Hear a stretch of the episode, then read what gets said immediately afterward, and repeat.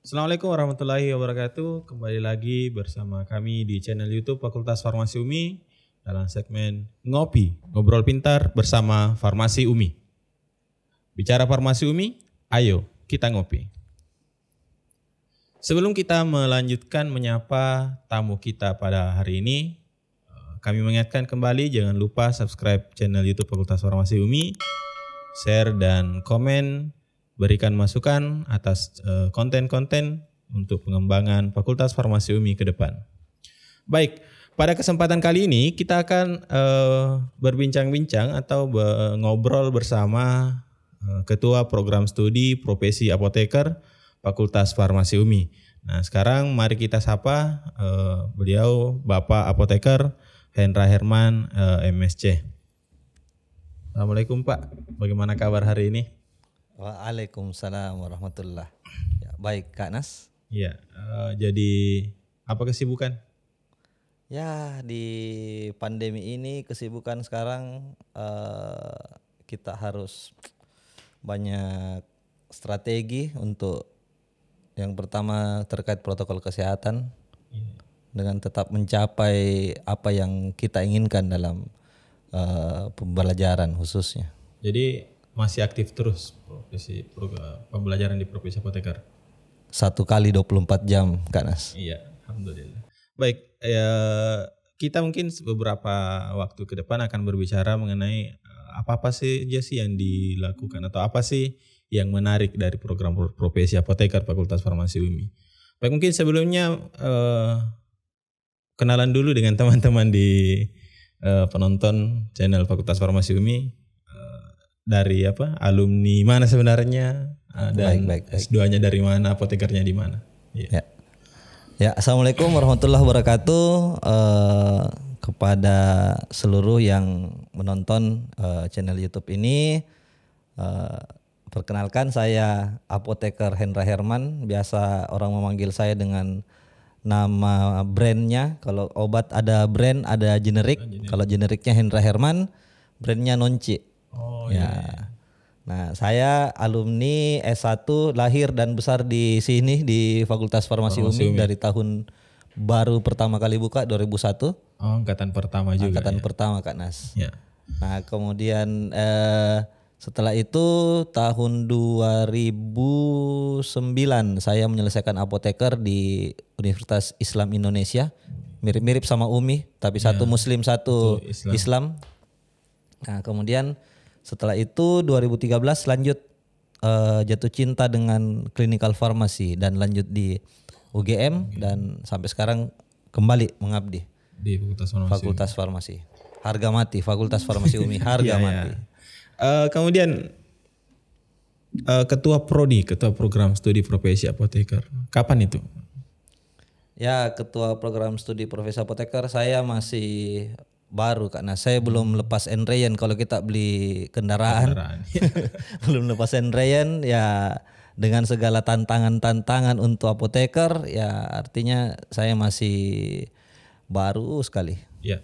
Eh, baik, mungkin kalau kesibukan lain Kak selain di prodi apa-apa yang Eh, selain di prodi saya juga saat ini eh, praktek di rumah sakit Ibnu Sina ya tapi apoteker ya? praktek profesi.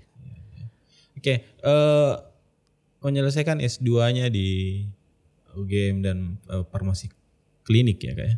Kemudian mengelola program studi profesi apoteker. Nah, Iya. sekarang mungkin apa sih atau bagaimana sih sejarahnya program studi profesi apoteker ini Kak? Ya, eh, profesi apoteker itu kita buka 2001 Fakultas Farmasi berdiri dan setelah perjuangan yang cukup eh, berat ya, eh, tapi menyenangkan akhirnya di tahun 2016 Baru 16. itu eh, apoteker kita sudah mendapatkan persetujuan dari eh, kementerian untuk membuka program studi profesi apoteker setelah mendapatkan akreditasi B sebagai salah satu syaratnya.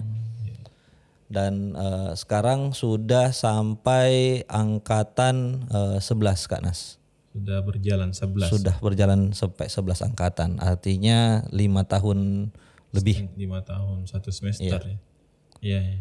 Kemudian eh, apa sih tujuannya program studi profesi apoteker ini ada kak? Ya, inti dari eh, tujuan program studi profesi apoteker eh, sesuai dengan visi dan misi dari eh, universitas dan fakultas yaitu eh, kita ingin menghasilkan eh, lulusan yang eh, dapat berdaya saing nasional ya. Salah satunya itu Mas eh, UKI. UKI. UKI Iya, nasional iya, ya. Nasional. Mohon maaf ya pemirsa saya sudah terbiasa panggil Mas dengan Kakak Nas ini. Ya, eh, u- ya, berdaya saing nasional, eh, kemudian di UKI nasional. Sekarang eh, kalau di pembelajaran program studi apoteker apa sih yang berbeda kak dengan yang minimal begini? Mengapa sih orang-orang harus memilih apoteker farmasi umi? Eh, jualan ini kan. Iya, Ya. silakan dijual kalau ini. Promosi sudah masuk item promosi dan ini bukan yang dibuat-buat Kak Nas ya, tapi eh, ya alhamdulillah yang salah satu merupakan daya tarik dari eh, program studi profesi apoteker yang pertama adalah sistemnya. Terus yang kedua adalah tim-tim pengajarnya, ya. Kemudian eh, yang ketiga adalah eh, manajemen waktu untuk perkuliahan yang betul-betul kita eh, perketat sehingga eh, mahasiswa juga dapat merencanakan kegiatan-kegiatan yang lain. Jadi Kalau yang dari segi eh, kita bilang tadi yang pertama adalah proses pembelajaran. Iya. Ya. Proses pembelajarannya kita kalau konvensionalnya itu orang belajar kebanyakan metode ceramah kemudian diskusi, tapi kalau kita sudah eh, dari awal dari awal eh, kegiatan eh, PSPA ini angkatan satu itu pimpinan fakultas Pak Dekan dan tim perumusnya itu membuat sistem eh, center eh, student center learning. Jadi student center learning. bukan lagi dosen yang menjadi Pusat, sumber ya, ya, sumber. tapi di bagaimana mahasiswa mengembangkan diri sendirinya. Jadi dosennya eh, lebih sebagai eh, tutor mengarahkan, Fasilitator, kemudian- ya, ya. fasilitator betul. Ya, jadi eh, memang memang beberapa mahasiswa itu awalnya yang belum eh, memahami konsep ini awalnya merasa berat karena sangat dipaksa terpacu untuk mengejar keti- Proses perubahan kebiasaan betul. dari satu. Ya kebiasaan dari satu kan eh, dapat informasi, informasi mempelajari. Ini tidak dia harus mencari sendiri dengan modal yang harusnya. Ya modal yang harusnya sudah ada di S1 ya kalau dia tertinggal ya dia harus mengejar dulu itu modalnya baru ini ta- Mampu mengiringi. ya banyak banyak yang awalnya berat tapi ya sudah eh, berlangsung beberapa minggu dia sudah rasakan manfaatnya sehingga ada yang merasa oh, terlalu cepat ini proses Ya. harusnya Lebih durasinya panjang. lebih panjang ya Nah, baik Kak. Eh, kalau di S1 kita akan rigid dengan praktikum dan sebagainya. Nah, kalau di apoteker apa sih? Apalagi kan pendek ya. ya Berapa lama sih orang kuliah apoteker? kalau kuliah apoteker itu eh, dua semester. Dua semester. Eh, sekitar efektifnya sekitar 9 bulan. Ya. Dengan PKPA praktek eh, kerja profesi apoteker di semester 2 Jadi semester satunya kuliah, ya. baru prakteknya di semester 2. semester 1 mempersiapkan untuk ke PKPA, dengan materi-materi yang ada di blog. Kemudian setelah itu lanjut ke proses eh, praktek kerja profesi. Nah, eh kalau sudah angkatan 11, sudah angkatan 11. Per tahunnya berapa sih, Kak? Per tahun Eh, per semesternya per, setiap penerimaan berapa mahasiswa? Oh, setiap penerimaan. Nah, eh, kita di sini selain eh, penerimaan mahasiswa itu kita strike, jadi eh, tidak boleh kebanyakan karena terkait eh, apa namanya Aturan aturan. Kemudian kita inginkan juga kualitas yang eh, kita keluarkan itu sesuai sehingga tidak membebani terlalu banyak. Ya, eh, kita terima paling banyak itu eh, 100, paling banyak. dan 100 itu bukan cuma alumni atau memang khusus alumni? Eh, untuk eh, tujuan utama dari eh, PSPA ini adalah kita menampung alumni S1 kita. Jadi tujuan utamanya tetapi eh, tetap kita membuka, tetap kita membuka untuk eh, dari luar juga tidak membatasi. iya, iya. Yang penting satu, Mas, lolos seleksi. Lolos seleksi. Iya. Eh, seleksi ya sekira setiap semester semester setiap semester kayak ya. Setiap semester. semester setiap semester kemudian seleksinya juga dilangsungkan dengan ketat bahkan mungkin sangat ketat. Ya, tidak bernafas Kak Nas. Tiap semester tidak ada naf- Iya. nggak ada waktu untuk bernafas. Prodi ya. Dia tanya ya. Eh baik Kak. Program pembelajaran mungkin sudah dijelaskan sedikit eh, sehingga teman-teman yang lain mungkin bisa berpertimbangkan oh kalau saya memilih apoteker Umi saya akan hadapi ini ya. Nah, sekarang tadi katanya berdaya saing nasional salah satu indikasi indikatornya adalah UKAI, Ya. Ujian kompetensi apoteker. Bagaimana mempersiapkan mahasiswa ini? Ah, pertanyaan yang sangat menarik ini. Bagaimana yang mempersiapkan? Ya. paling tidak dimulai dari seleksi ketat dan sebagainya. Ya, dari dari awal kita sudah siapkan dengan yang tadi eh, Kak Nas sudah sampaikan, ya kita seleksi ketat di awal. Kemudian dari proses pembelajarannya kita eh, bukan lagi sekedar teori tapi eh, juga eh, ada beberapa praktisi yang kita eh, panggil untuk membantu kita mem- eh, minimal memberikan insight, memberikan gambaran bagaimana dengan eh, praktek di luar. Kemudian setelah itu ada kegiatan rutin yang eh, meskipun tidak masuk dalam eh, perkuliahan ya itu eh, tryout tryout internal Ya. dengan menggunakan fasilitas eh, CBT ya. Eh, kemudian eh, semua tenaganya dosennya itu eh, open juga 24 jam untuk dimintai konsultasi jika ada eh, yang ingin ditanyakan. terkait eh, apa namanya terkait yang dipelajari. Nah eh, kemudian selain itu kita rutin tiap bulan sikir mas Ya.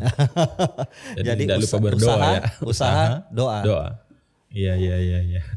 Menarik. Eh di dari 11 angkatan berarti yang sudah lulus sudah satu sampai angkatan 8. 8 angkatan 8 angkatan 9 insya Allah mohon doanya untuk angkatan 9 dan seterusnya hasilnya bisa bagus. ya hasilnya Iya. bisa bagus Lagi nah sekarang Kak, sekarang kan pandemi.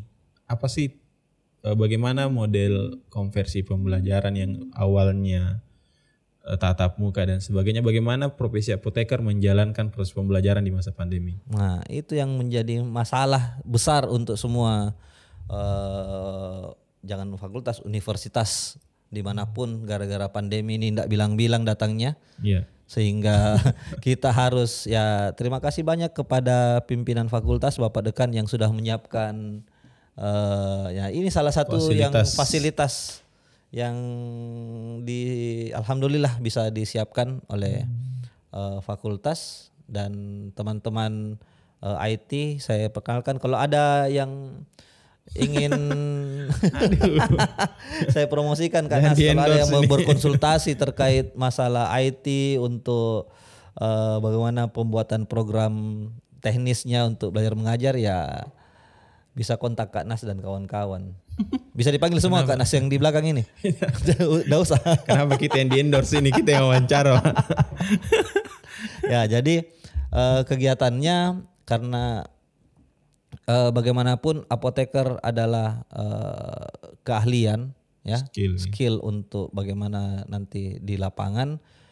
Kita tetap berusaha untuk eh, membuat bagaimana tetap mahasiswa mendapatkan informasi minimal mendapatkan informasi dan mampu melihat ya mampu melihat apa yang terjadi di luar. Kemudian dapat melatih skillnya dengan eh, paling banyak kita gunakan adalah dengan eh, role role playing. Role playing dengan simulasi-simulasi. Simulasi. yang dulunya kita bisa menggunakan prak- eh, ruangan praktikum untuk praktek. Praktek. Tapi sekarang ya. simulasi-simulasi. Secara virtual. secara virtual dengan harapan itu. Dengan harapan minimal dapat eh, secara prinsip sudah memahami. Ya. Kalau secara skill keterampilan insya Allah nanti akan bisa diasah ketika nanti eh, mereka sudah berada di lokasi kerja masing-masing atau praktek. Jadi eh, pembelajaran PKPH pun juga terpaksa seperti itu. PKPA untuk angkatan 7 itu masih mendapatkan Ya. setengah, masih sempat eh, ada di lapangan sebelum ditarik. Iya ada gelombang. Ya, yang angkatan 8 dan angkatan 9 ini full full online. Tetapi tetap eh, kita mengundang praktisi-praktisi Oh iya.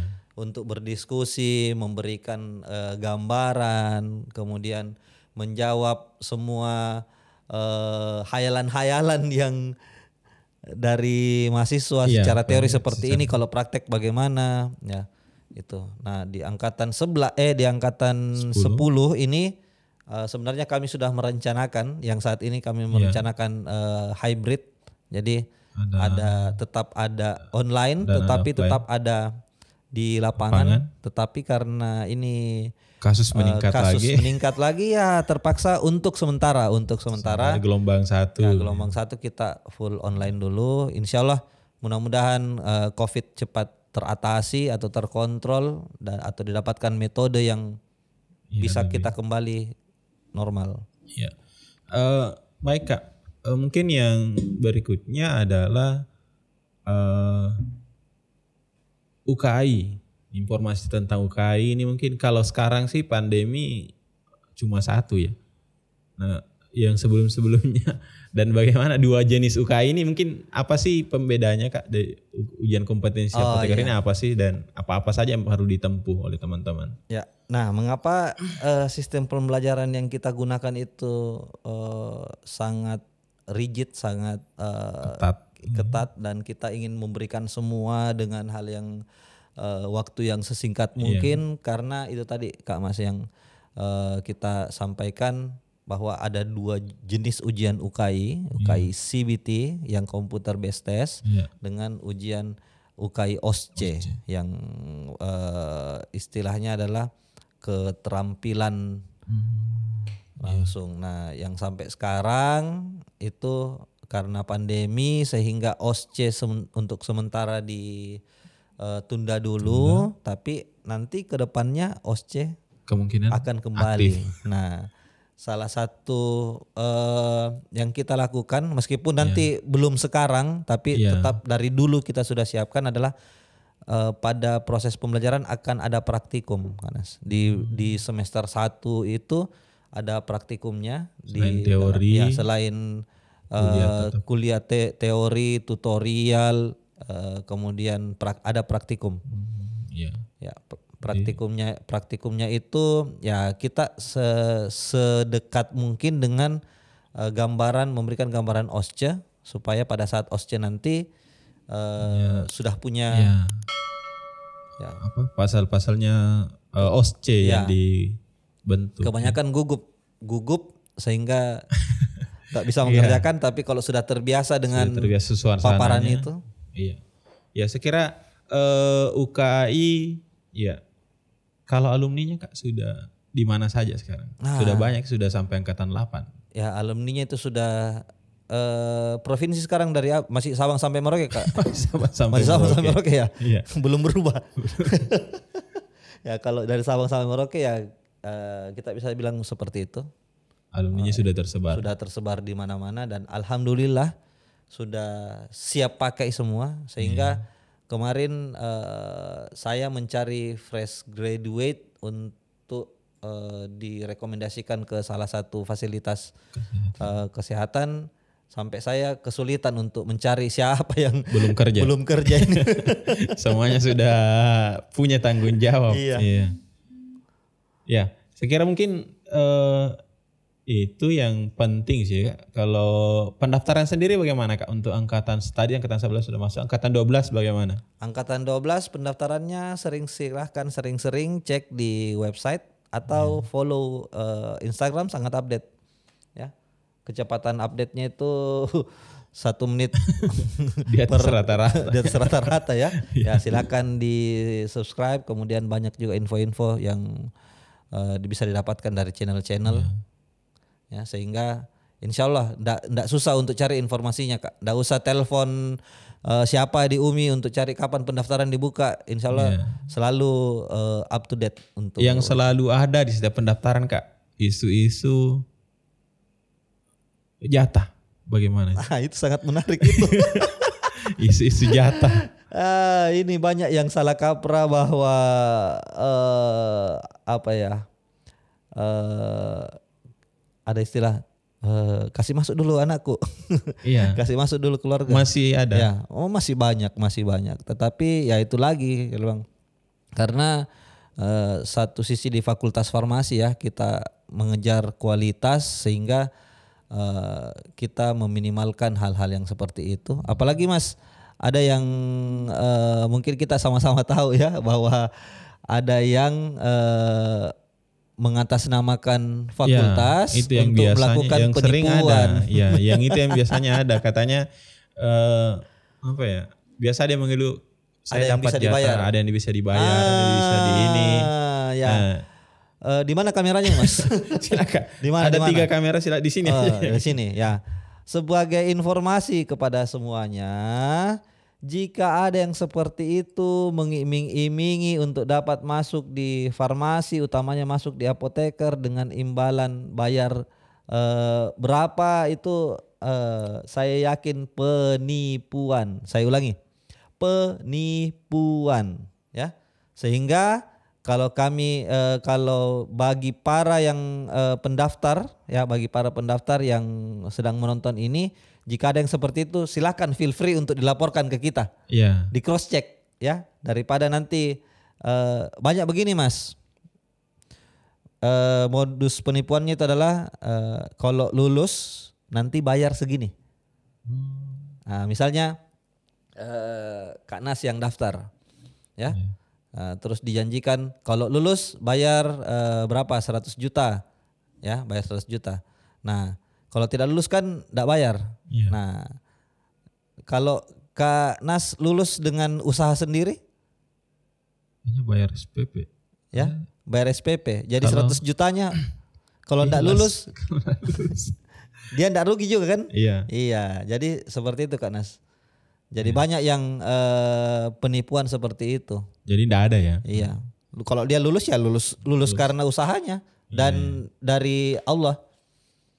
Ya, ya itu mungkin yang paling banyak sih yang masuk pertanyaannya. Kenapa sih saya tidak lulus lulus? Apakah karena ada ini ada ini? Ada dulu teman begini.